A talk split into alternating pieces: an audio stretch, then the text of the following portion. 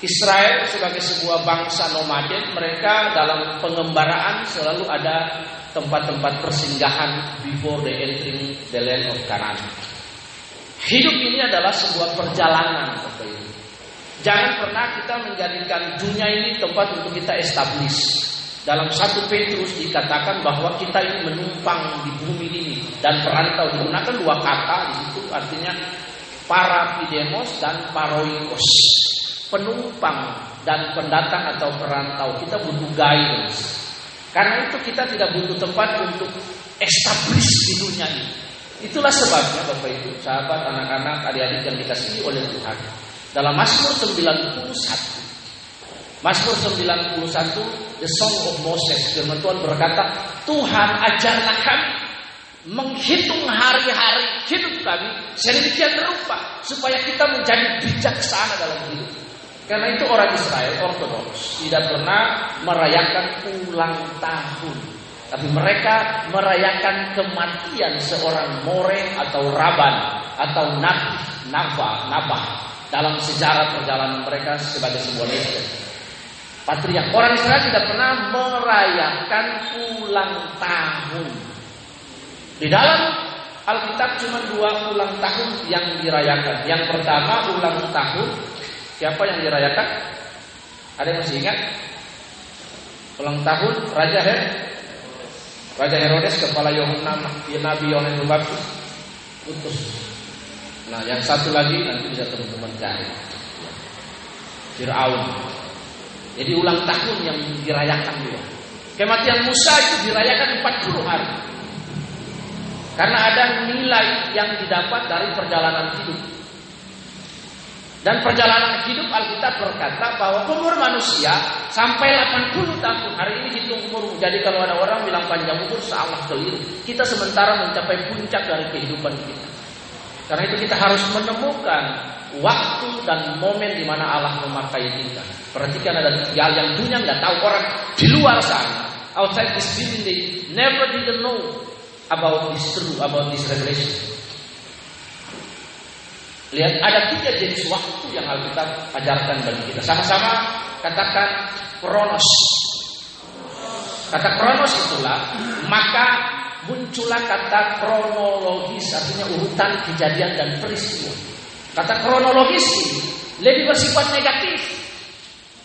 Misalnya orang membunuh orang, maka akan disebutkan ketika dibuat BAP berkas acara perkara itu maka urutan kejadian kronologisnya bagaimana? Kecelakaan kronologisnya bagaimana? Sakit penyakit kronologisnya bagaimana? Itu waktu urutan kejadian peristiwa kronos kronologi. Yang kedua sama-sama dengan saya katakan hora. Hora itu artinya detik, menit, jam. Kemudian ada hour, ada day, ada week, ada month, ada year, Kemudian ada senturis. Di atas senturis kai alfa tu omega. Hal yang tidak terbatas. Nah ini penting bagi kita untuk memahami. Dalam perjalanan hidup kita, kita harus sampai kepada sebuah tempat yang bernama Goshen. Goshen artinya drawing near. Tuhan berkata bahwa engkau akan tinggal di tanah Goshen dekat dengan aku. Hanya Orang-orang yang dekat dengan Tuhan, pemazmur berkata, hanya orang-orang yang dekat dengan Tuhan, rahasiaku dan perjanjianku yang akan kuberitakan kepada mereka. The hiding place, secret place. God want to share about His plan, His willingness to the people that who is near to Him. Ini penting sekali. Memasuki tahun baru, natur Allah dalam Allah berrelasi dengan Adam dan Hawa, naturnya itu adalah kudus. Peristiwa Adam and Eve fall in sin is a very simple because then mereka berontak rebel to God. Dosa itu artinya hamartia. Katakan hamartia. Hamartia itu artinya disappointed. Melenceng daripada kehendak Allah. Nah sering kali karena yang tadi saya bilang manusia itu perantau dan pendatang, kita melenceng dari sasaran Bapak Ibu. Karena itu kita perlu dekat dengan Tuhan dalam perjalanan hidup. Goshen it means drawing near. Dekat dengan Tuhan. Dekat padamu.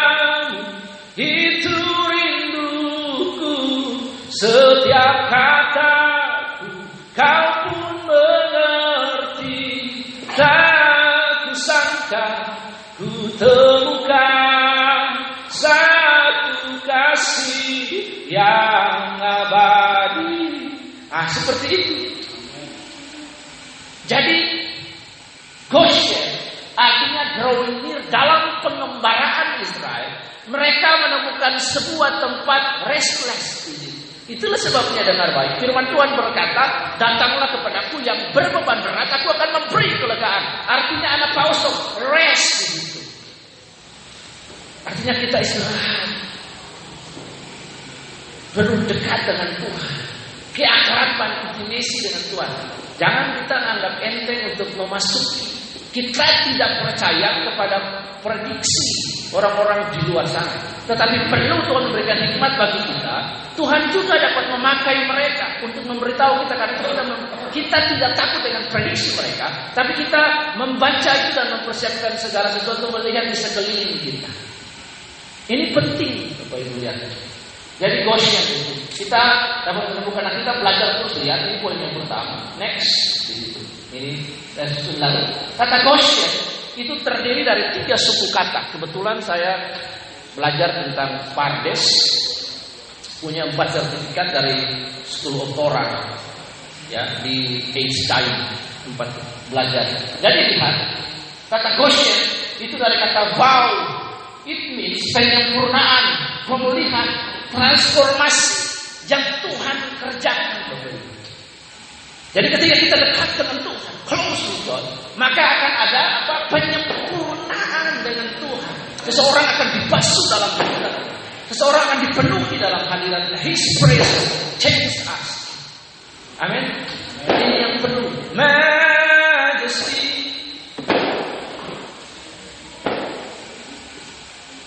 Ya, mantap. Ini sama seperti kisah ya, ya. Di. Ya lihat itu poinnya penyempurnaan, pemulihan, restorasi, transformasi. Can restore our situation better than God. Okay. Majesty.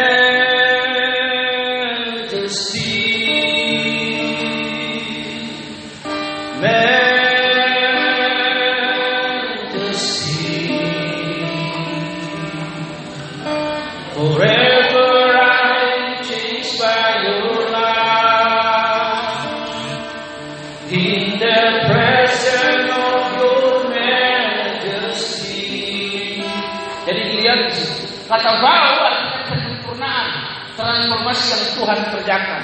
Di balik sebuah kata Ibrani itu ada meaning, ada pengertian, ada spiritual blessing. Kata bau artinya penyempurnaan. Kemudian berikut Next. Ya, kata shin. Kata shin itu artinya simbol kuasa Tuhan. Contoh populer El Shaddai. Sesungguhnya berarti Elohim pencipta dari tak ada menjadi ada. Sifatnya subur, makmur, berlimpah, tidak mengalami kekurangan, tidak mengenal kadaluarsa, terus menerus diperbarui dalam dalam kemurahan lebih dikenal berbuah lebat berhasil. Perhatikan Yohanes pasal yang ke-15 ayat yang kelima jika kamu tinggal di dalam aku kamu berbuah lebat. Perhatikan case kenapa Goshen is a very important word, important place dalam sejarah perjalanan bangsa Israel mereka tinggal sana ratusan tahun. Perhatikan, ada krisis yang terjadi di Mesir, ada tulah yang terjadi di Mesir. Tapi orang Israel tinggal di tanah Goshen. Perhatikan, ini sebuah perhatikan kita. Waktu Musa dipanggil oleh Raja Fir'aun, tulah sementara terjadi. Dan tulah tidak terjadi di tanah Goshen, Bapak Ibu yang dikasih Tuhan. Tulah tidak terjadi di tanah Goshen. Pertanyaannya, ketika Musa melangkahkan kakinya keluar dari tanah Goshen, apakah Musa kenal penyakit? Apakah Musa kenal Tuhan? No. Karena penyertaan Tuhan sempurna atas Moses. Ini penting sekali. Nah sering kali logika kita kita kotakan di dalam logika kita, otak kita, kita mengkotakan Tuhan yang tidak terbatas unlimited God di dalam otak kita yang sebesar kepala tangan sehingga kita tidak pernah mengalami hal-hal yang supranatural things dalam hidup. Karena kita sudah mengkotakan Tuhan pendekatan Western tentang pendekatan orang di barat sana tentang Allah itu adalah pendekatan mekanik. Jadi pendekatan mekanik kalau ada yang operasi putus satu gunung. Tapi pendekatan yang benar kita dengan alam adalah pendekatan pencipta dan penciptaan. Ini yang penting. Perhatikan arti Goshen, tanah Goshen orang Israel bisa mengembalakan tanah yang subur, tanah yang makmur ini cocok dengan kata shin di situ, yang artinya prosper. Orang Israel bisa mengembalakan ternak. Yang kedua, kenapa Goshen? Karena orang Mesir merasa bahwa menjijikan kalau bergaul dengan orang Israel karena mereka itu penggembalakan kehidupan kita harus bisa menjadi menjijikan bagi orang lain. Bukan karena kita buat dosa tapi kalau orang yang kita ada sebuah kehidupan yang anomali different. Nah ini yang penting. Buat saya banyak orang tidak suka saya karena saya benar tidak masalah. Asal jangan Tuhan diambil daripada saya karena saya mau menyenangkan hati Tuhan, bukan hati banyak orang. Orang-orang penting saya tegur. Nah ini yang penting. Jadi kata bosnya, mereka tinggal di sebuah lembah yang subur. Mereka dapat beternak di situ. Sementara di sekelilingnya tulah. Karena itu penting sekali bagi kita untuk memasuki tahun 2023 draw near to God. Ini penting sekali bagi kita. Sebab kalau kita tidak dekat, kita tidak lengket dengan Tuhan. Maka ada banyak peristiwa bisa terjadi di sekitar kita. Itulah sebabnya mengapa malam hari ini kita berdoa. Ada tiga poin. Kita berdoa yang pertama karena kita tahu dengan berdoa kita berrelasi dengan Tuhan. Yang kedua dengan berdoa kita tahu Allah menjawab doa kita. Jika Allah tidak menjawab doa kita, kita berarti percaya kepada Dia bukan ibadah. Yang ketiga, dengan berdoa segala sesuatu menjadi jauh lebih baik, lebih efektif. Jadi perhatikan kata Ibrani, kata Goshen itu kata Shin. Nah, makmur, subuh dan lain sebagainya. Yang berikut kata Shaddai. Sadi, next, klik. Ya. Simbol kebenaran dan kerendahan hati, kebenaran righteousness adalah proses dalam hidup yang never ending, tidak berakhir. Ada peringatan untuk orang benar. Dalam wajib tidak fasik, dia ada seperti mata air yang keruh dan sumber yang kotor. Jadi kata Goshen, pengertian blessing behind the letter of Goshen, the word of Goshen is very important. Sebagai kunci pertama kita memasuki tahun 2023, Bapak Ibu anak-anak yang dikasihi oleh Tuhan. Ini yang penting. Karena tidak ada yang lain lagi yang harus kita kerjakan dalam hidup ini. Ketika kita jauh dengan Tuhan, Bapak Ibu perhatikan, Ketika kita jauh dengan Tuhan, maka penurunan moral itu terjadi. Perhatikan relasi kita dengan Tuhan dibangun di atas dasar kasih.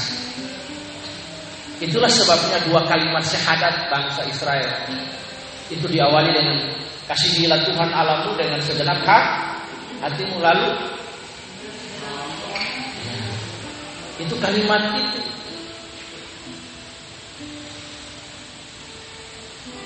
dua kalimat syahadat Israel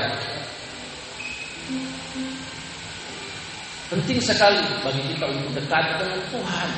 Tahun 2000 kita tidak tahu apa yang terjadi. Tapi jika kita akrab dengan Tuhan rahasia dan perjanjian akan ada pembukaan-pembukaan revelation kehidupan yang dinyatakan dengan kita. Satu Korintus 16 ayat 10 berkata bahwa tertutuklah orang yang tidak mengasihi Allah, anak ini. Seseorang yang sudah jatuh adalah dia tidak suka lagi kepada hal-hal yang rohani.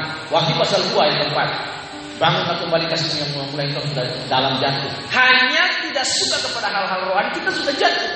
Tidak punya gairah, tidak punya passion untuk hal-hal yang divine, yang spiritual. Kita sudah jatuh. Itulah peringatan kepada jemaat mula-mula. Ini penting sekali bagi kita.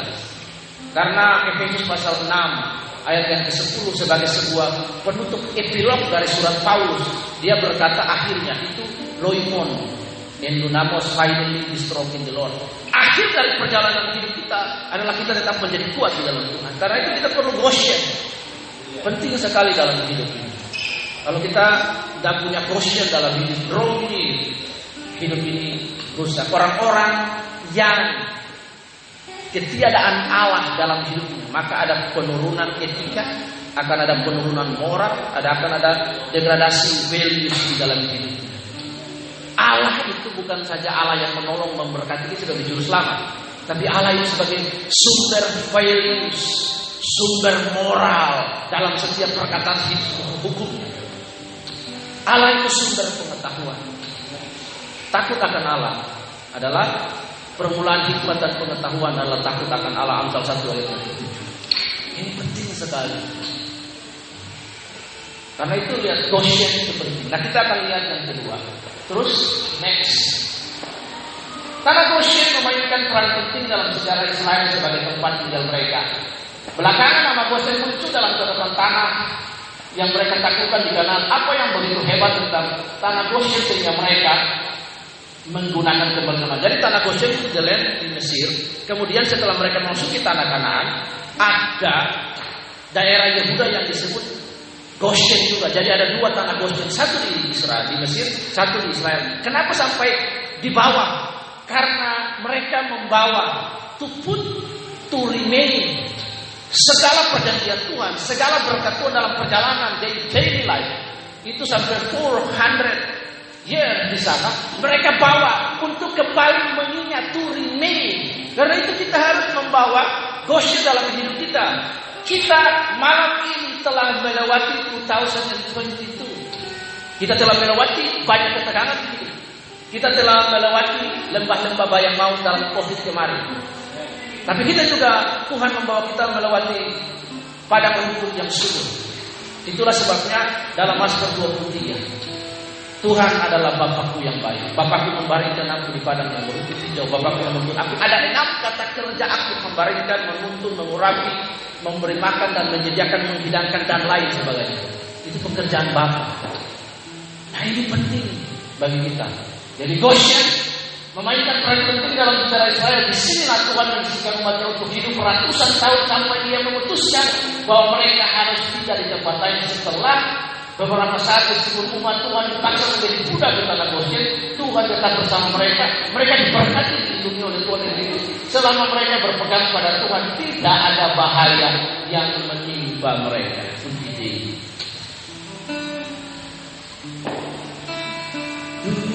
Tuhan adalah gembalaku, takkan kekurangan aku seperti itu. Jadi Tuhan adalah gembala kita. Sekalipun ada hal-hal yang kita lewat kemarin, tapi Tuhan menyertai kita.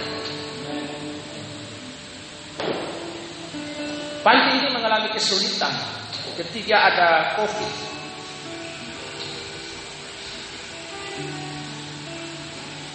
Some sponsor memutuskan untuk berhenti sementara waktu menolong tempat ini. Tapi tempat ini Tuhan yang membangun.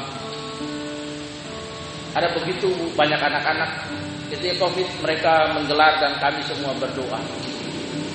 Jemaat juga ikut berdoa ada hal-hal luar biasa yang terjadi secara logika.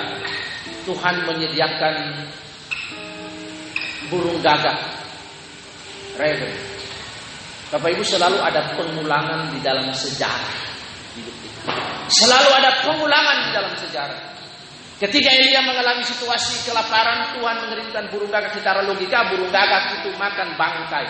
Tapi hari itu burung gagak bisa bawa roti. Ternyata hewan grade pertama di dunia adalah burung gagak. Dia bawa roti, dia bawa daging di mulutnya, habis itu minum sungai. Aqua pertama di dunia. Produksi aqua pertama Le Minerale itu adalah di Sungai Keri. Tuhan pelihara dalam situasi yang sulit. Karena kita hidup dalam daging ini, karena kita hidup dalam sarkos ini, antro dalam daging. Kalau kita kasih makan daging kita lebih banyak, maka kita akan mengindra hal-hal dunia itu lebih banyak. Tapi kalau roh kita kita kasih makan, maka kita akan lebih banyak mengindra hal-hal yang roh yang rohani spiritual things dalam hidup ini. Seringkali kan kita tidak jarang sekali untuk mengalami momen di mana spiritual things terjadi. Tadi masih ingat ada dua jenis waktu, tiga jenis waktu baru dua saya kasih tahu. Yang pertama tadi kronos, yang kedua hora, yang ketiga momentum. Perhatikan baik. Momentum atau bahasa Ibrani bilang kairos. Waktu Tuhan itu penting sekali dalam hidup kita. Tidak cepat, tidak terlambat. Tapi waktu Tuhan itu untuk memenuhi kebutuhan saudara dan saya. Katakan amin. Nah ini penting. Kita tidak boleh main-main untuk memasuki tahun 2023. Banyak orang mau memasuki tahun 2003 mereka mempersiapkan segala macam dan lain mereka lupa ada unsur Tuhan yang berperan penting dalam hidup yang merubah sejarah bangsa-bangsa, mengatur ritme hidup manusia, perjalanan hidup manusia, perjalanan ministry kita dan lain sebagainya. Ini yang penting. Karena itu ya. Ingat berulang kali Goshen artinya drawing near. Next. Goshen di Mesir Alkitabiah berbicara tentang suatu masa ketika Allah melepaskan penghakimannya atas mereka yang memperbudak Fir'aun mengira dia bisa mendapatkan lebih baik dari orang Israel yang mencoba untuk tidak mentaati Tuhan dan tidak membiarkan orang beriman. Dia mencoba untuk memperbudak mereka. Next. Nah, lihat di situ. Jadi bukan berarti kita dekat dengan Tuhan, drawing near kita tidak menghadapi masalah. Alkitab berkata bahwa pencobaan-pencobaan yang kamu alami tidak melampaui kekuatan yang Tuhan berikan. Sebab Alkitab berkata ketika kamu dicoba Tuhan akan berikan jalan keluar bagi kita. Amin. Coba Ibu lihat. Tidak ada satupun rasul-rasul yang hidupnya enak. Saya baru baca satu buah buku seorang misionaris yang membawa Alkitab ke dunia ketiga di Cina itu asalnya dari Romania, dia sangat terkenal sekali. Namanya Dimitri. Saya lupa nama belakangnya, tapi Dimitri. Tubuhnya penuh dengan luka-luka. Ketika saya membaca buku tentang David Livingstone, ketika dia memasuki ruang aula sebuah universitas di Inggris, dia rupanya sangat buruk badannya penuh dengan luka, mukanya tidak tampan, matanya satu buta. Tapi dia mengguncang Afrika bagi Tuhan. Mari kita lihat apa yang kita ketahui tentang Goshen Berikut ada beberapa hal yang mungkin tidak anda ketahui tentang Goshen. Saya kasih tahu. Yang pertama, Goshen diberikan oleh Firaun yang memerintah sama Yusuf. Tuhan telah menyiapkan baginya umat Israel lalu Yusuf kita dia mengangkat hambanya menjadi perdana menteri. Yusuf mengirim pesan bahwa dia dan seisi rumahnya harus datang tinggal di sana.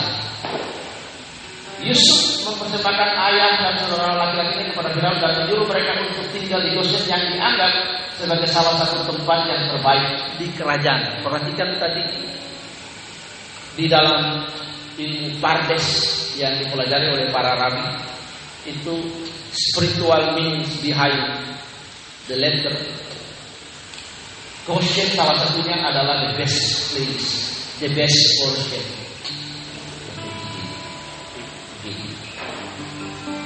God is the strength of my heart. Allah sumber kuatku, Allah sumber kuatku dan bagianku selamanya.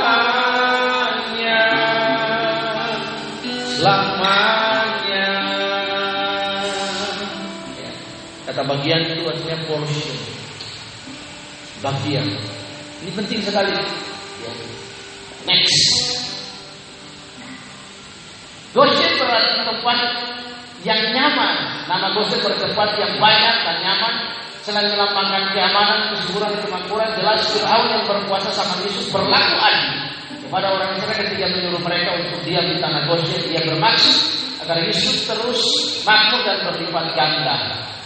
Lihat, Fir'aun membuat keputusan yang keras mengenai umat Allah dan memperlakukan mereka dengan buruk. Dia kemudian membayar mahal atas tindakan buruknya. kepada orang Israel. Sekalipun ada penindasan, tapi Goshen juga berbicara tentang redeem, penebusan dalam hidup ini. Ada yombel-yombel yang terjadi dalam hidup kita. Next. Israel menjadi sebuah bangsa di tanah Goshen yang tiba dengan 79 orang. Mencapai 70 jiwa mereka bertahun-tahun tinggal di sana. Lalu lahirlah 12 anak Yakub. Next.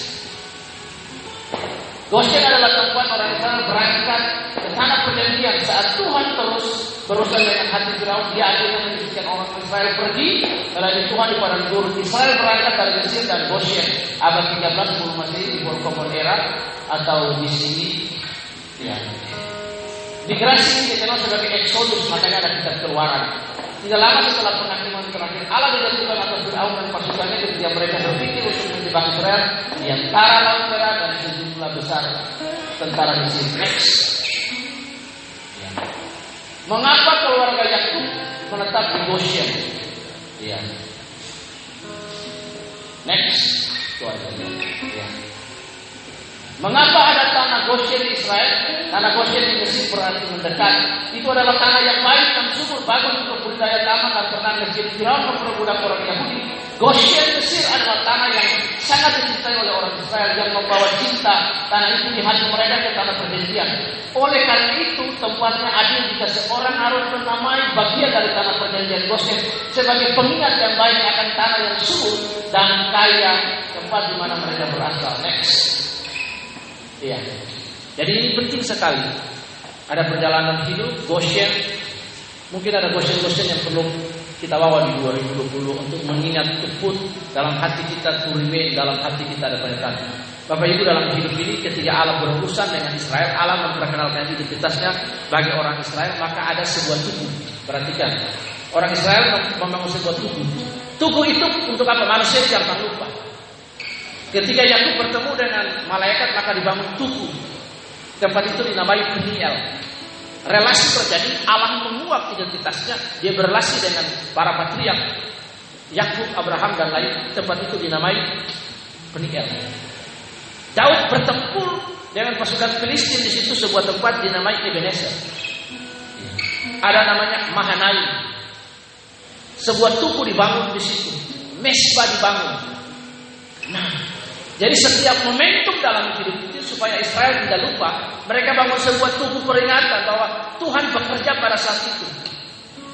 Kenapa Tuhan pakai tanda pelangi? Bahwa Tuhan berjanji tidak akan lagi mengulangi peristiwa yang sama. Karena itu kita harus mengambil lagi gambar pelangi itu dari kaum LGBTQ. Reclaiming God. Tidak kepada para bajingan. Itu perhatikan dengan baik. Allah memberkati Yohanes dan Yohanes. Bukan Yohanes dan Allah memberkati Yohanes dan Yohana, bukan Yohanes dan Yohanes. Perhatikan. Karena itu saya sempat tulis di Facebook dan Facebook saya akhirnya di Bennett. Bertobatlah kalian para pendukung lompatan. Sangat keras sekali omongan saya. Sampai saya pernah bikin surat ke. Nah, ini penting sekali. Ini yang perlu kita makanya kita harus jadi anomali di tengah-tengah dunia. Ya. Yang pertama apa yang kita dapat dengan cepatnya Tuhan tidak melupakan kita. Tanah Goshen nanti bisa dibagi. Yang kedua, next cepat Tuhan memiliki tanah perjanjian bagi kita. Yang ketiga, kita tidak boleh putus asa. Yang keempat, Tuhan memiliki masa depan kita di tangannya. Yang kelima, Tuhan akan membebaskan kita karena iya. Sampai itu poin yang pertama Goshen ada lima poin ya. Poin yang pertama Goshen itu penting sekali. Yang kedua Bapak Ibu faith. Iman adalah dasar dari segala sesuatu Ibrani. Roma pasal ada yang tahu? Iman adalah dasar dari segala sesuatu dan bukti dari jadi iman itu sangat penting sekali. Iman sederhana dalam pengertian sederhana adalah Allah dapat lakukan sesuatu dan saya percaya. Allah dapat lakukan sesuatu beyond my image, beyond your image. Jangan melampaui pikiran kita. Seringkali iman kita terkorup oleh karena kita sudah sudah terbiasa dengan kenyamanan dengan kedagingan. Karena yang ada di otak manusia yang tinggal di bumi ini adalah hal-hal yang tidak mungkin. Tetapi kamus Allah adalah selalu mungkin. Apa yang tidak mungkin bagi manusia mungkin bagi Allah. Itulah makanya rajin nonton film Mission Impossible by Tom Cruise itu keren. Misi-misi yang nyari mustahil tidak bisa dilakukan, tapi bisa dilakukan Pak. Karena itu faith yang kedua setelah goceng yang kedua faith. Iman kita. Iman itu dibangun di atas dasar firman Tuhan. Bapak Ibu perhatikan baik. Anak-anak perhatikan baik. Jangan bermain-main. Perhatikan, perhatikan. Eh, ini Anda tidak dapat setelah tahun baru ini ada kesulitan hidup yang kita hadapi. Dan Anda menghadapi kesulitan hidup tidak dengan cengar-cengir. Faith itu begitu penting. Nah, perhatikan iman timbul oleh pendengaran, pendengaran akan firman, firman Tuhan. Ah. Iman tidak timbul dari hal yang lain Bapak Ibu yang dikasih Tuhan. Iman tidak timbul dari pujian penyembahan. Iman tidak timbul dari pelayanan dari hal apa pun. Iman timbul dari baca Alkitab ini. Karena itu penting sekali. Read your Bible. Read your Bible every day. Early morning. Baca Alkitab. Baca kitab suci. Gitu. Baca kitab suci. Doa tiap hari. Doa tiap hari. Doa tiap hari. Baca kitab suci. Doa tiap hari kalau mau. Turun jadi baca kitab suci, pembacaan kitab suci membuat kita kuat. Karena apa? Itu perkataan Allah. Bapak Ibu, jangan main-main. Ada tiga jenis firman yang supaya kita paham. Ya. Apa itu firman? Firman itu ada tiga makna teologisnya bagi kita. Satu, firman itu adalah perkataan Allah kepada para nabi. Ya. Bapak Ibu, Harusnya kita menjadi nabi-nabi. Nabi itu artinya nafa, nabah. The man that who is influenced by divine. Seorang yang dikendalikan, seorang yang dipenuhi, seorang yang dikontrol by roh kudus, by Holy Spirit. Kalau hidup kita berjalan, makanya Alkitab berkata dalam Roma 8 ayat 14. Seorang yang dipimpin oleh roh Allah adalah anak anak Allah berjalan walk with Holy Spirit. Working 22 hours with Holy Spirit. Ada spiritual mereka akan lihat kita mungkin kita aneh. Mungkin kita aneh, tapi itulah kita. Jesus free. Faith belum balik di faith tadi. Faith itu dasar. Iman itu penting sekali. Iman artinya kita apa mentaati perkataan Allah. Mentaati perkataan Allah tanpa berpikir apa pun. Mungkin gila bagi orang di luar, tapi itu fakta.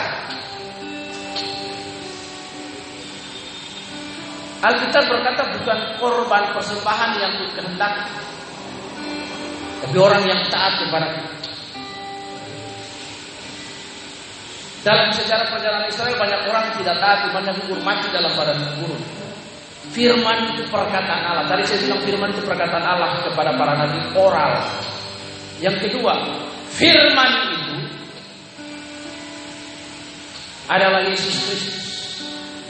Yohanes 1 ayat 1. Pada mulanya firman itu bersama-sama dengan Allah dan firman itu adalah Allah. Dan yang ketiga, Efesus 2 Timotius pasal 3 ayat 16. Segala tulisan yang diilhamkan Allah bermanfaat untuk mendidik, mengajar, memperbaiki kaum dan mengukur orang kepada kebenaran. Jika Anda tidak suka firman, Anda jatuh Alkitab berkata. Suatu saat Saya punya anak rohani ada tinggal di Jakarta dan sudah punya anak dua dia bekerja di Jakarta. Saya marah dia bisa-bisa. Namanya Dedi. Saya bilang, karena dia bilang Karoi setiap kali saya ketemu dengan Karoi cuma dikasih tahu firman Tuhan. Saya bosan. Saya dia dan saya bilang, kalau kamu bosan dengan firman Tuhan hari ini, kamu tidak boleh datang ke sini nanti. Karena ini saya sampaikan firman Tuhan. Jadi kalau orang sudah mulai bosan dengan firman Tuhan, dia sudah mengalami kejatuhan. Karena Alkitab berkata bahwa siapa yang tidak mengasihi Allah itu terkutuk. Terkutuk. Alkitab Wahyu pasal 2 ayat 4 berkata bahwa bangunlah lagi, lakukan lagi yang disebut kalau tidak itu telah jatuh. Kasih mula-mula. Dasar Israel berrelasi dengan Tuhan itu kasih. Makanya dalam syahadat orang Israel itu Allah pertama. Shema Israel Elohim Adonai. Itu Shema. Ketika orang Israel lahir, syahadat itu dibisikkan dalam perjanjian garam. Setiap anak Israel yang lahir dibisikkan di kata-katanya, telinganya. Dengarlah hai Israel, Tuhan Allah muala Esa kasih dia dengan segala Ini penting sekali. Faith kita. Banyak orang Kristen murtad karena faithnya tidak kuat, karena doktrinnya tidak kuat. Karena itu penting sekali. Tahun depan kita akan memasuki panti ini akan memasuki masa katekesasi tingkat dua. Untuk apa menghafal pernyataan pengakuan iman Rasul yang percaya kepada Allah paling kita Di dalam pengakuan iman Rasul itu ada sistem dokter yang memperkuat. Banyak orang Kristen murtad karena tidak kuat imannya, karena tidak hidup dalam kebenaran firman Tuhan. Jadi yang membuat iman bertumbuh itu firman Tuhan. Iya. Tidak ada patokan untuk musiknya harus begini, penyembahan harus begini tanpa musiknya. Tidak ada. Musik itu, penyembahan itu adalah sikap hati. Bukan kalau mainnya bunyi ini itu, itu teknik. Yang penting adalah kita berhasil. Ini penting sekali. Iman ini penting. Iman itu juga hal yang paling doktrin dalam hidup kita. Jadi jangan bilang itu doktrin saya tidak suka doktrin keliru. Anda berbicara tentang Allah itu Anda sedang berteologi. Teologi artinya ilmu pengetahuan tentang Allah. Jangan pakai teologi-teologi. Ketika Anda berbicara tentang Yesus, Anda berbicara tentang Allah, Anda sedang berteologi.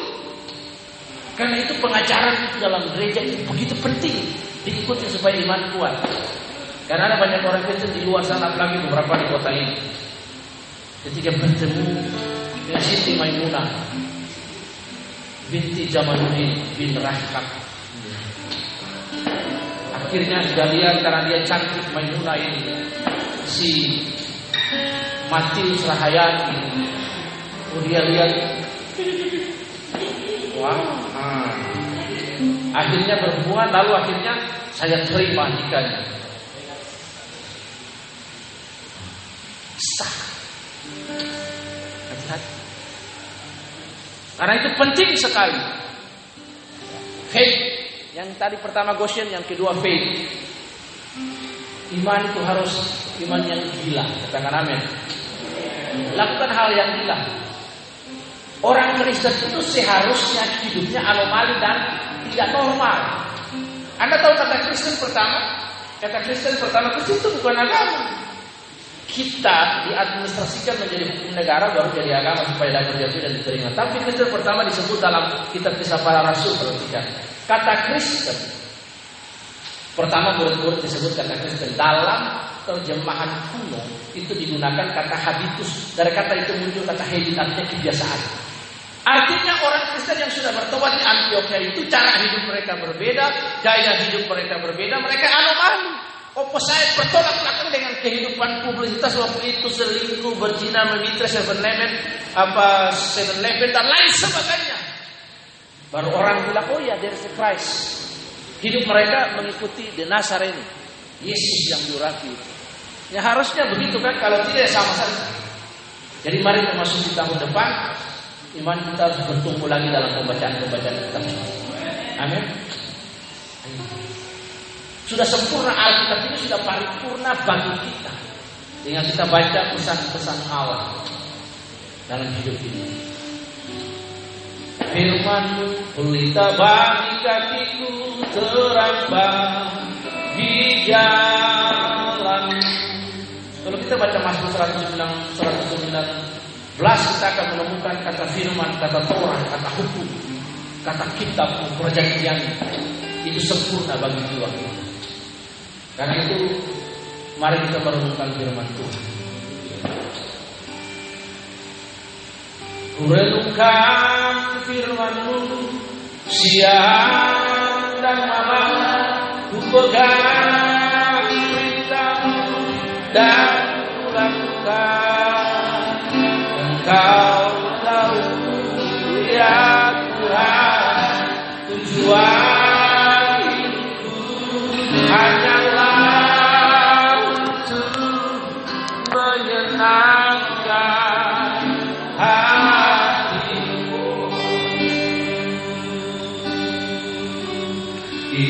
inilah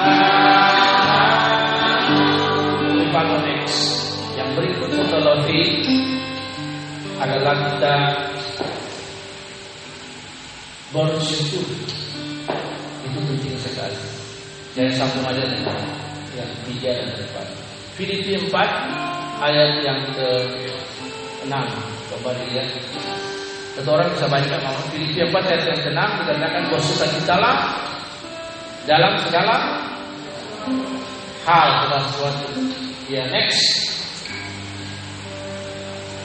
bersyukur dan bersuka Filipi di situ. Lalu ayat yang itu sampai 8 boleh baca. Yang saya dapat Filipi 4 6 sampai 7.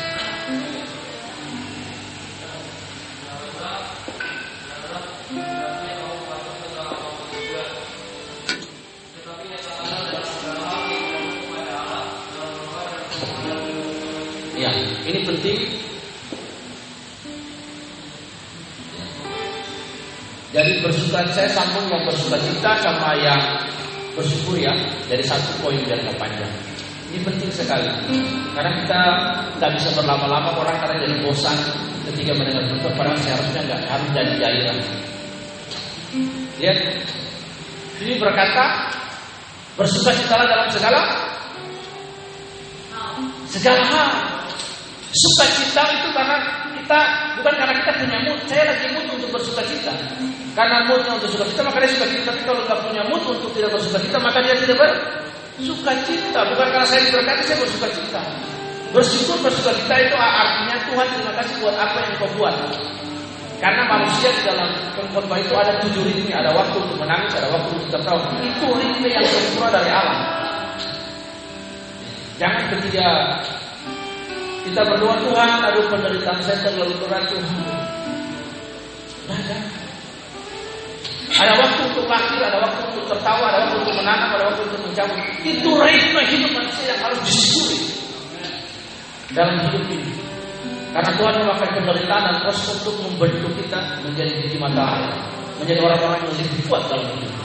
Karena itu akan dengan penderitaan. Ya. Like suffering, suffering itu membentuk kita. Yakobus berkata Tuhan ajar kami menghitung kesusahan setiap kali proses yang kita hadapi.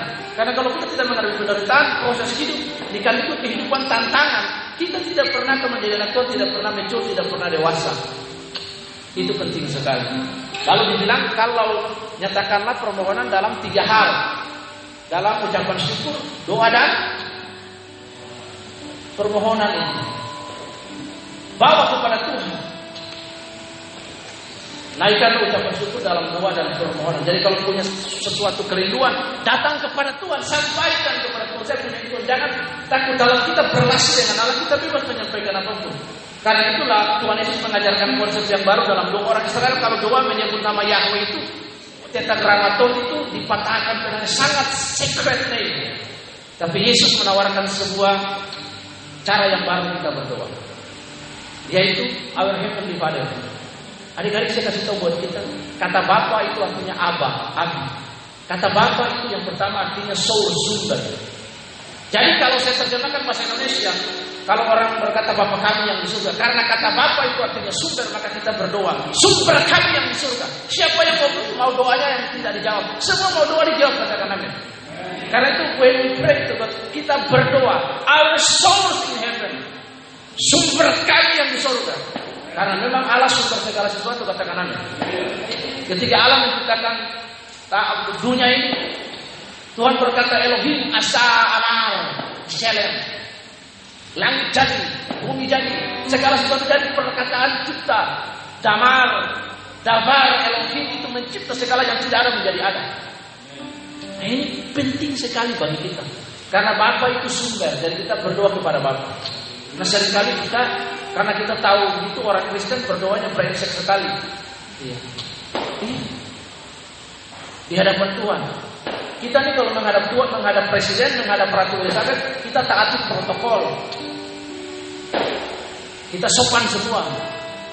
Ratu suruh ngomong, baru dia dikasih kode ngomong. Ada protokol.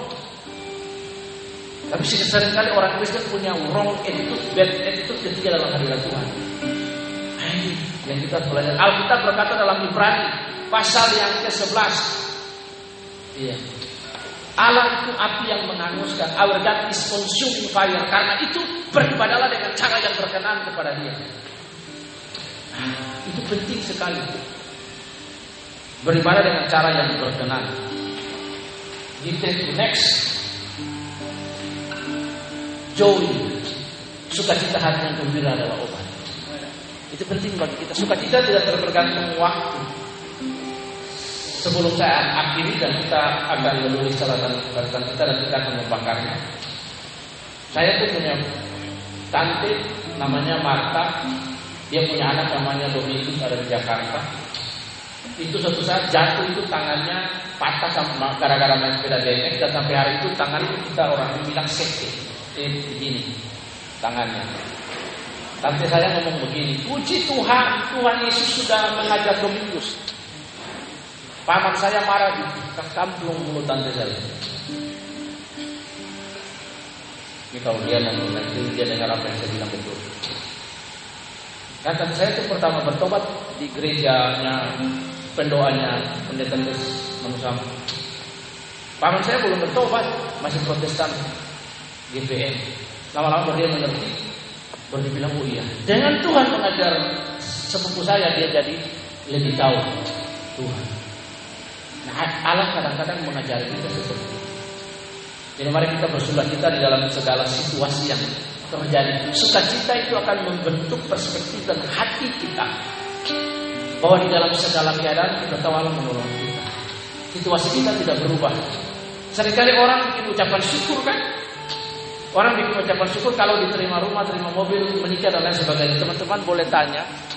Ada adik-adik rohani saya di DTS beberapa tahun yang lalu. Itu marga di belakangnya Asikin.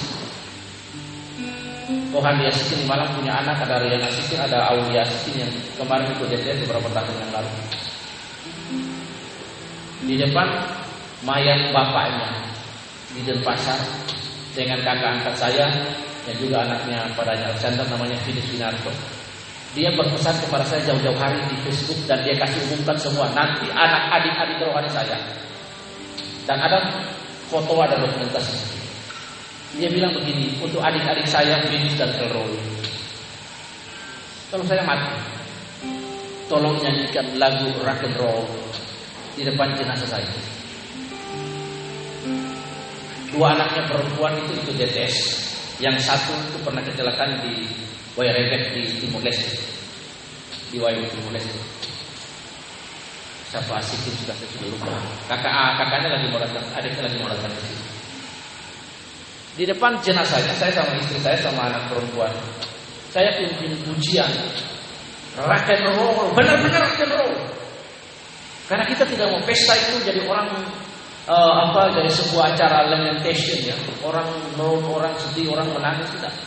Karena kematian itu sebetulnya kematian itu adalah kehidupan. Karena kalau dia hidup dalam Tuhan, kematian itu dia kita menyeberang ke dunia yang lain.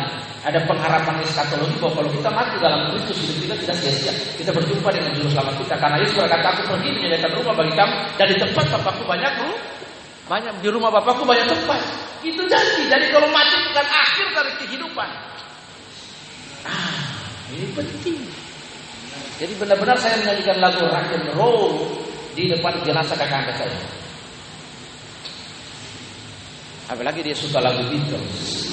Hey Jude, na na na na na na na na na na Dia suka lagu-lagu rock and roll. Saya nyanyikan bersama dengan beberapa siswa BTS yang hadir. Ada anak-anaknya yang di YWM pernah sekolah di YWM BTS, mereka tahu. Ya, next. Yang terakhir. Ah. Bapak Ibu, ini penting sekali yang terakhir. Perhatikan keluarga Cornelius ketika Tuhan melawan mereka, Alkitab berkata bahwa mereka sekalipun adalah tentara Roma, mereka belajar memberikan persembahan. Sedekah, katakan sedekah. Rajin-rajinlah bersedekah. Ketika Tuhan Yesus menyembuhkan perwira Kapernaum, mereka berkata bahwa orang ini memberkati bangsa Yahudi bersedekah. Tuhan Yesus berkata, jika hidup keagamaanmu tidak lebih benar dari orang Yahudi, kamu tidak masuk kerajaan kerajaan Allah. Itu bukan hidup benar, bukan berarti kehidupan dah, tapi sedekah sedekah itu bagian dari ibadah. Jadi artinya sedekah sedekah itu bukan berarti anda harus kasih uang, Dulu baru ada sedekah sedekah itu bisa dalam Anda punya waktu, Anda punya skill dan lain. Rajinlah bersedekah dalam hidup ini. Sebab dengan sedekah itu menjadi sangat penting. Allah menyukai orang yang bersedekah. Kita menyatakan kasih. Saya bilang saya mengasihi seseorang, mengasihi anak-anak, tapi saya tidak pernah memberi karena sakit sakit. Memberi itu sampai sakit. Perhatikan Passion of Christ Allah adalah kasih yang mengimplementasikan kasih di atas kayu salib. Satu-satunya manusia di dunia ini yang mengalami hematrodosis cuma Tuhan Yesus. Itunya makanya kalau ada orang bilang manusia stres, gila, lalu punya bunuh diri, manusia paling goblok. Alkitab berkata Yesus itu sampai penuhnya tetes darah, keringat tetes darah. Yesus secara ilmu kedokteran Manusia Yesus itu stres sampai pembuluh darahnya pecah. Tingkat stres yang cuma Yesus sendiri yang menanggung. Namanya hematodosis sampai titik darah. Manusia biasa tidak pernah sampai hematodosis. Manusia biasa sebelum sampai ke hematodosis dia sudah bunuh diri. Itu supaya kita tahu betapa hebatnya Yesus mengasihi kita di atas kayu Secara psikologi kan sebentar lagi Kalimat yang saya sampaikan bisa dibantah kalau salah. Grace. Satu-satunya pribadi Yesus yang agung dia yang satu-satunya manusia pertama dan terakhir tunggal yang mengalami hematodosis. Sebuah tekanan sampai penuhnya sampai pembuluh darah pecah. Tetes-tetes darah menjelang penyaliban di taman Getsemani. Saking tekanan beban yang dia harus tanggung kalau manusia tidak pernah sampai hemat terus, dia sampai tingkat yang nggak sampai tapi dia sudah bunuh diri, sudah tembak diri mati. Tapi Yesus dia sampai melewati sebuah tahap yang hanya dia sendiri saja hemat terus. Ini penting. Jadi mari kita rajin-rajin untuk memberi sedekah. Hubungan yang baik adalah hubungan yang sampai mengeluarkan darah. Itulah sebabnya. Kenapa persembahan Habil diterima bukan kain. Karena ada darah. Karena ada darah. Jadi pemberian kasih pengorbananmu kepada Tuhan belum sampai mengeluarkan tangan. Jangan pernah berbicara I love God, I like, I, I love each and other. No. Sampai kamu kosong, emptiness itu baru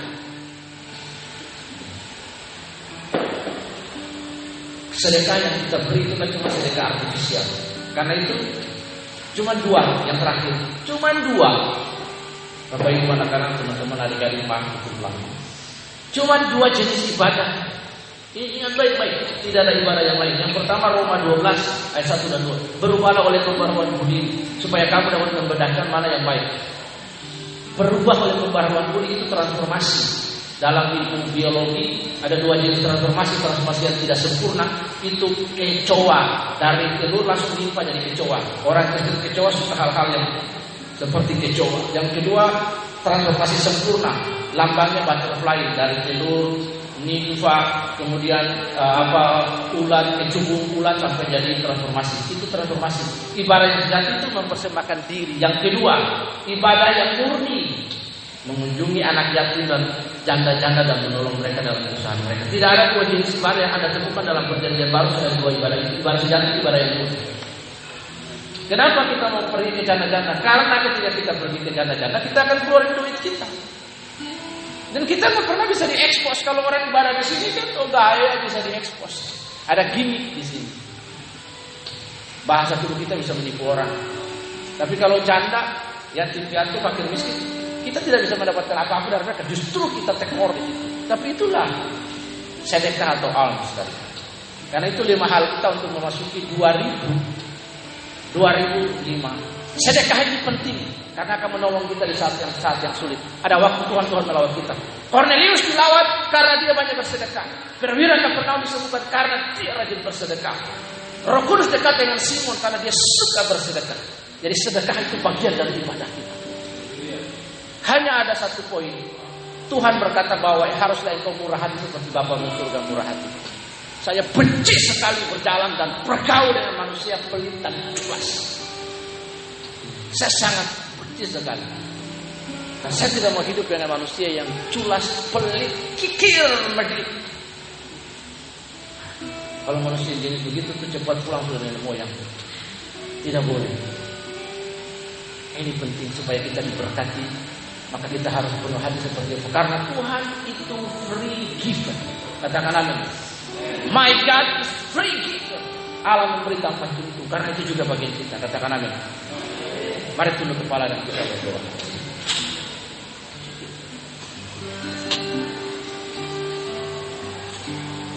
Inilah yang ku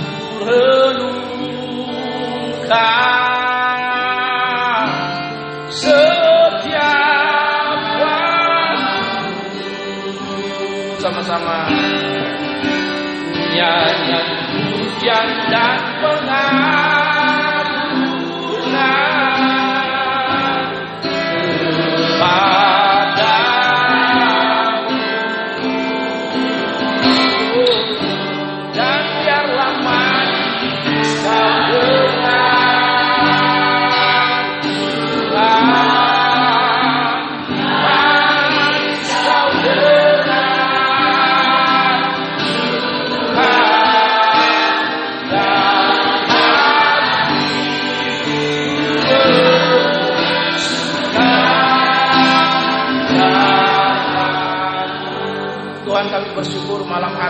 kami duduk di kaki Tuhan mengawali tahun 2023 yang kami sendiri tidak tahu Tuhan. Tapi kami mau berjalan dengan sang waktu yang adalah Engkau Tuhan, Yesus Kristus. Sang waktu itu akan menuntun kami. Sang yang mempunyai hidup itu akan menuntun kami supaya kami berjalan dan mengukir sejarah yang baru dengan Engkau di 2020. Tuhan tolong kami supaya kami memiliki gosyen dalam hidup kami. Supaya kami memiliki iman yang kuat. Kami selalu bersyukur atas berbagai peristiwa yang terjadi.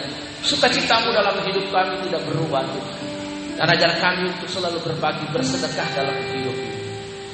Sehingga tahun 2023 akan kami lalui Tuhan. Menjadi tahun-tahun di mana Allah melawat kami. Terima kasih untuk providensia yang telah terlebih dahulu Allah sediakan bagi kami. Di dalam nama Tuhan Yesus. Kami percaya ketika kami datang duduk dalam hadirat Tuhan. Ketika engkau hadir, engkau membawa kuasa. Engkau membawa berkat bagi kami Tuhan. Terima kasih bagi setiap kami yang ada dalam ruangan ini. Kasih karunia Allah yang jauh melampaui segala rokal pikiran. Menolong dan memberkati. Di dalam nama Tuhan. Terima kasih buat kesediaan kami untuk duduk satu jam lebih. Untuk mendengarkan firman ini. Di dalam nama Tuhan Yesus. Kami memulai hidup kami. Memasuki hidup kami. Dengan Tuhan. Dan kami percaya bahwa bersama dengan Tuhan. Kami akan melakukan perkara-perkara yang besar di 2023. Kami akan mendengarkan ledakan-ledakan dalam pelayanan. Ledakan-ledakan dalam hidup kami. Di dalam nama Yesus. Kami berdoa dan kami bersyukur. Haleluya, haleluya. Amin. Sebelumnya, mari kita ambil kertas satu-satu. Kita mau tulis resolusi hidup kita. Anda boleh tulis 3 sampai 5 poin. Ya. Tulis resolusi itu taruhlah di Alkitab Alkitabmu. Tahun 2023 31 Desember 2023 di mana pun Anda berada. Buka lagi dan temukan resolusi hidup. Tulis di situ. Apa pun yang kau inginkan, kerinduanmu, dream, mimpimu, tulis di kertas.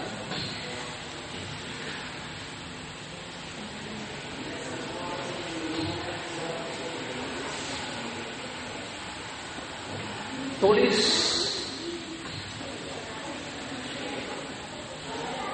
patut di sebelah ya bisa dibagi-bagi pulpennya tulis dengan cepat apa yang muncul di pikiran di hati mimpi kita atau kerinduan-kerinduan kita. Lima poin tulis. itu